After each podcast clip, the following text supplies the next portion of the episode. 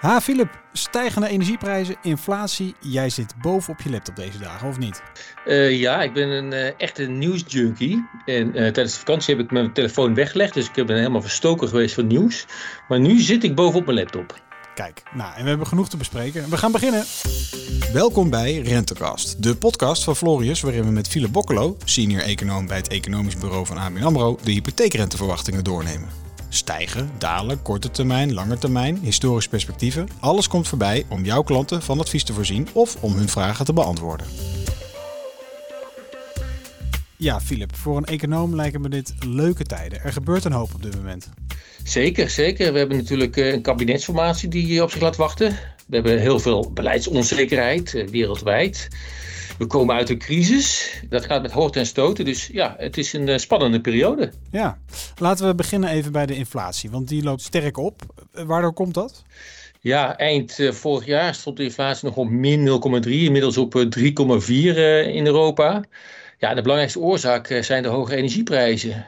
Maar als we naar de kerninflatie kijken, die stond eind december op 0,2% maar die staat inmiddels op 1,9% Dus ook zonder energieprijzen is de inflatie opgelopen. Wacht even, kerninflatie, wat, wat is dat? Ja, dat is een maatstaf voor de inflatie, ja? die uh, componenten zoals voedsel en energie buiten beschouwing laat. En ja, prijsverstoringen door voedsel en energie, die zijn doorgaans maar tijdelijk. Dus ja, die hebben eigenlijk niet zoveel effect op de inflatie op lange termijn. Ja, precies. In, in de jaren 70 was dat wel anders, hè, geloof ik.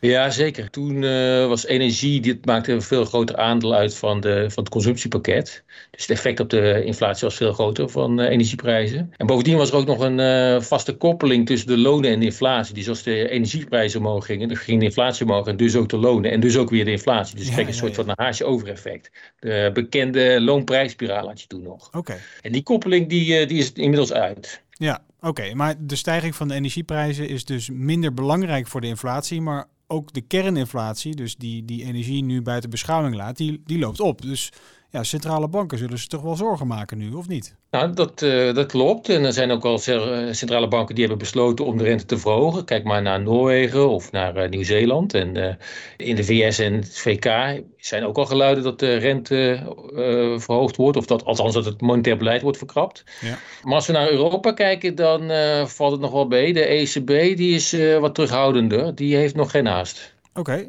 Waar, waarom is dat? Ja, de ECB denkt dat de stijging van de inflatie uh, door andere tijdelijke factoren ook nog komt. Uh, andere dan energie.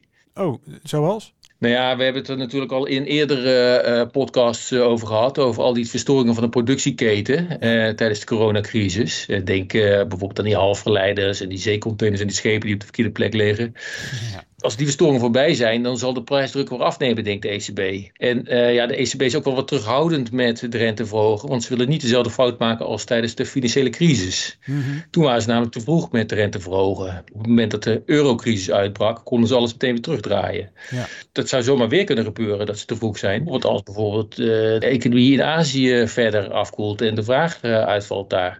Dus ja, er zijn goede redenen voor de ECB om nog even het kruid droog te houden. Ja, maar als ik het uh, allemaal goed heb begrepen en heb gelezen, dan uh, de ECB heeft beleggers nog niet overtuigd. Nee, nee. Als ik kijk naar de 10 rente in Nederland, da, die staat op dit moment op uh, 0%. En een tijdje geleden was dat nog min 0,4%. Ja. Dat is toch wel een belangrijke benchmark ook voor de hypotheekrente. Ja, en wat, wat denken jullie? waar gaat het naartoe? Nou ja, wij denken wel dat de ECB eigenlijk wel gelijk heeft dat die inflatie uh, nog wel weer wat zal gaan afzwakken op termijn. En als dat gebeurt, kan ook die lange rente wel weer uh, gaan dalen. Maar ja, dat neemt niet weg dat we de ramingen voor de rente voor dit jaar en voor volgend jaar hebben verhoogd. Oké. Okay. Uh, eind dit jaar zitten we nu op min 0,1 en eind volgend jaar op min 0,4 procent. dus toch wel weer een daling. Maar eerder hadden wij rente staan van min 0,5 procent, zowel voor dit jaar als voor eind volgend jaar. Ja, en dan de vraag, wat gaat dit alles betekenen voor de hypotheekrente? Ja, nou ja, die hoge rente op kapitaalmarkten, dat uh, zorgt voor hogere kosten voor, voor uh, hypotheekverstrekkers. Ja. Uh, ja, tot dusver heeft dat zich niet vertaald in een hogere hypotheekrente. En dat heeft te maken met de felle concurrentie. Hypotheekverstrekkers zijn bang om marktaandeel te verliezen. Maar ik denk dat ze de komende tijd toch wel stappen zullen gaan zetten. En dat is ook omdat DNB heeft aangekondigd dat banken vanaf 1 januari hoge kapitaalbuffers moeten aanhouden voor hypotheken. Die maatregel hadden ze eigenlijk al in de planning staan voor de coronacrisis, maar zijn met de coronacrisis uitgesteld. En nu de economie weer aantrekt en de huizenprijzen zo hard stijgen, heeft de DNB besloten de maatregel alsnog door te voeren. Dus ja, die kosten blijven stijgen en er zullen toch ook wel verstrekkers zijn die de hypotheekrente gaan verhogen. Ja, en waar moeten we dan aan denken, zonder dat ik je tot achter de komma nauwkeurig verantwoordelijk ga houden? Ja, dat is inderdaad eh, de 1 million eh, dollar question. Uh, moeilijk te zeggen. Op dit moment ligt die kapitaalmarkt 40 basispunten hoger dan waar die lag. Ja. Nou, laten verstrekkers daar hooguit de helft van kunnen doorberekenen aan klanten. Dan heb je het waarschijnlijk over een stijging van de rente van 10, 20 basispunten. Oh, dat valt mee. Ja, dat valt mee. Maar ja, het kan toch ertoe leiden dat uh, nog meer oversluiters in actie zullen komen om nog even te profiteren. Ik ben ook wel heel benieuwd hoe dat uh, doorwerkt, een stijging van de rente op de transacties en op de huisprijzen.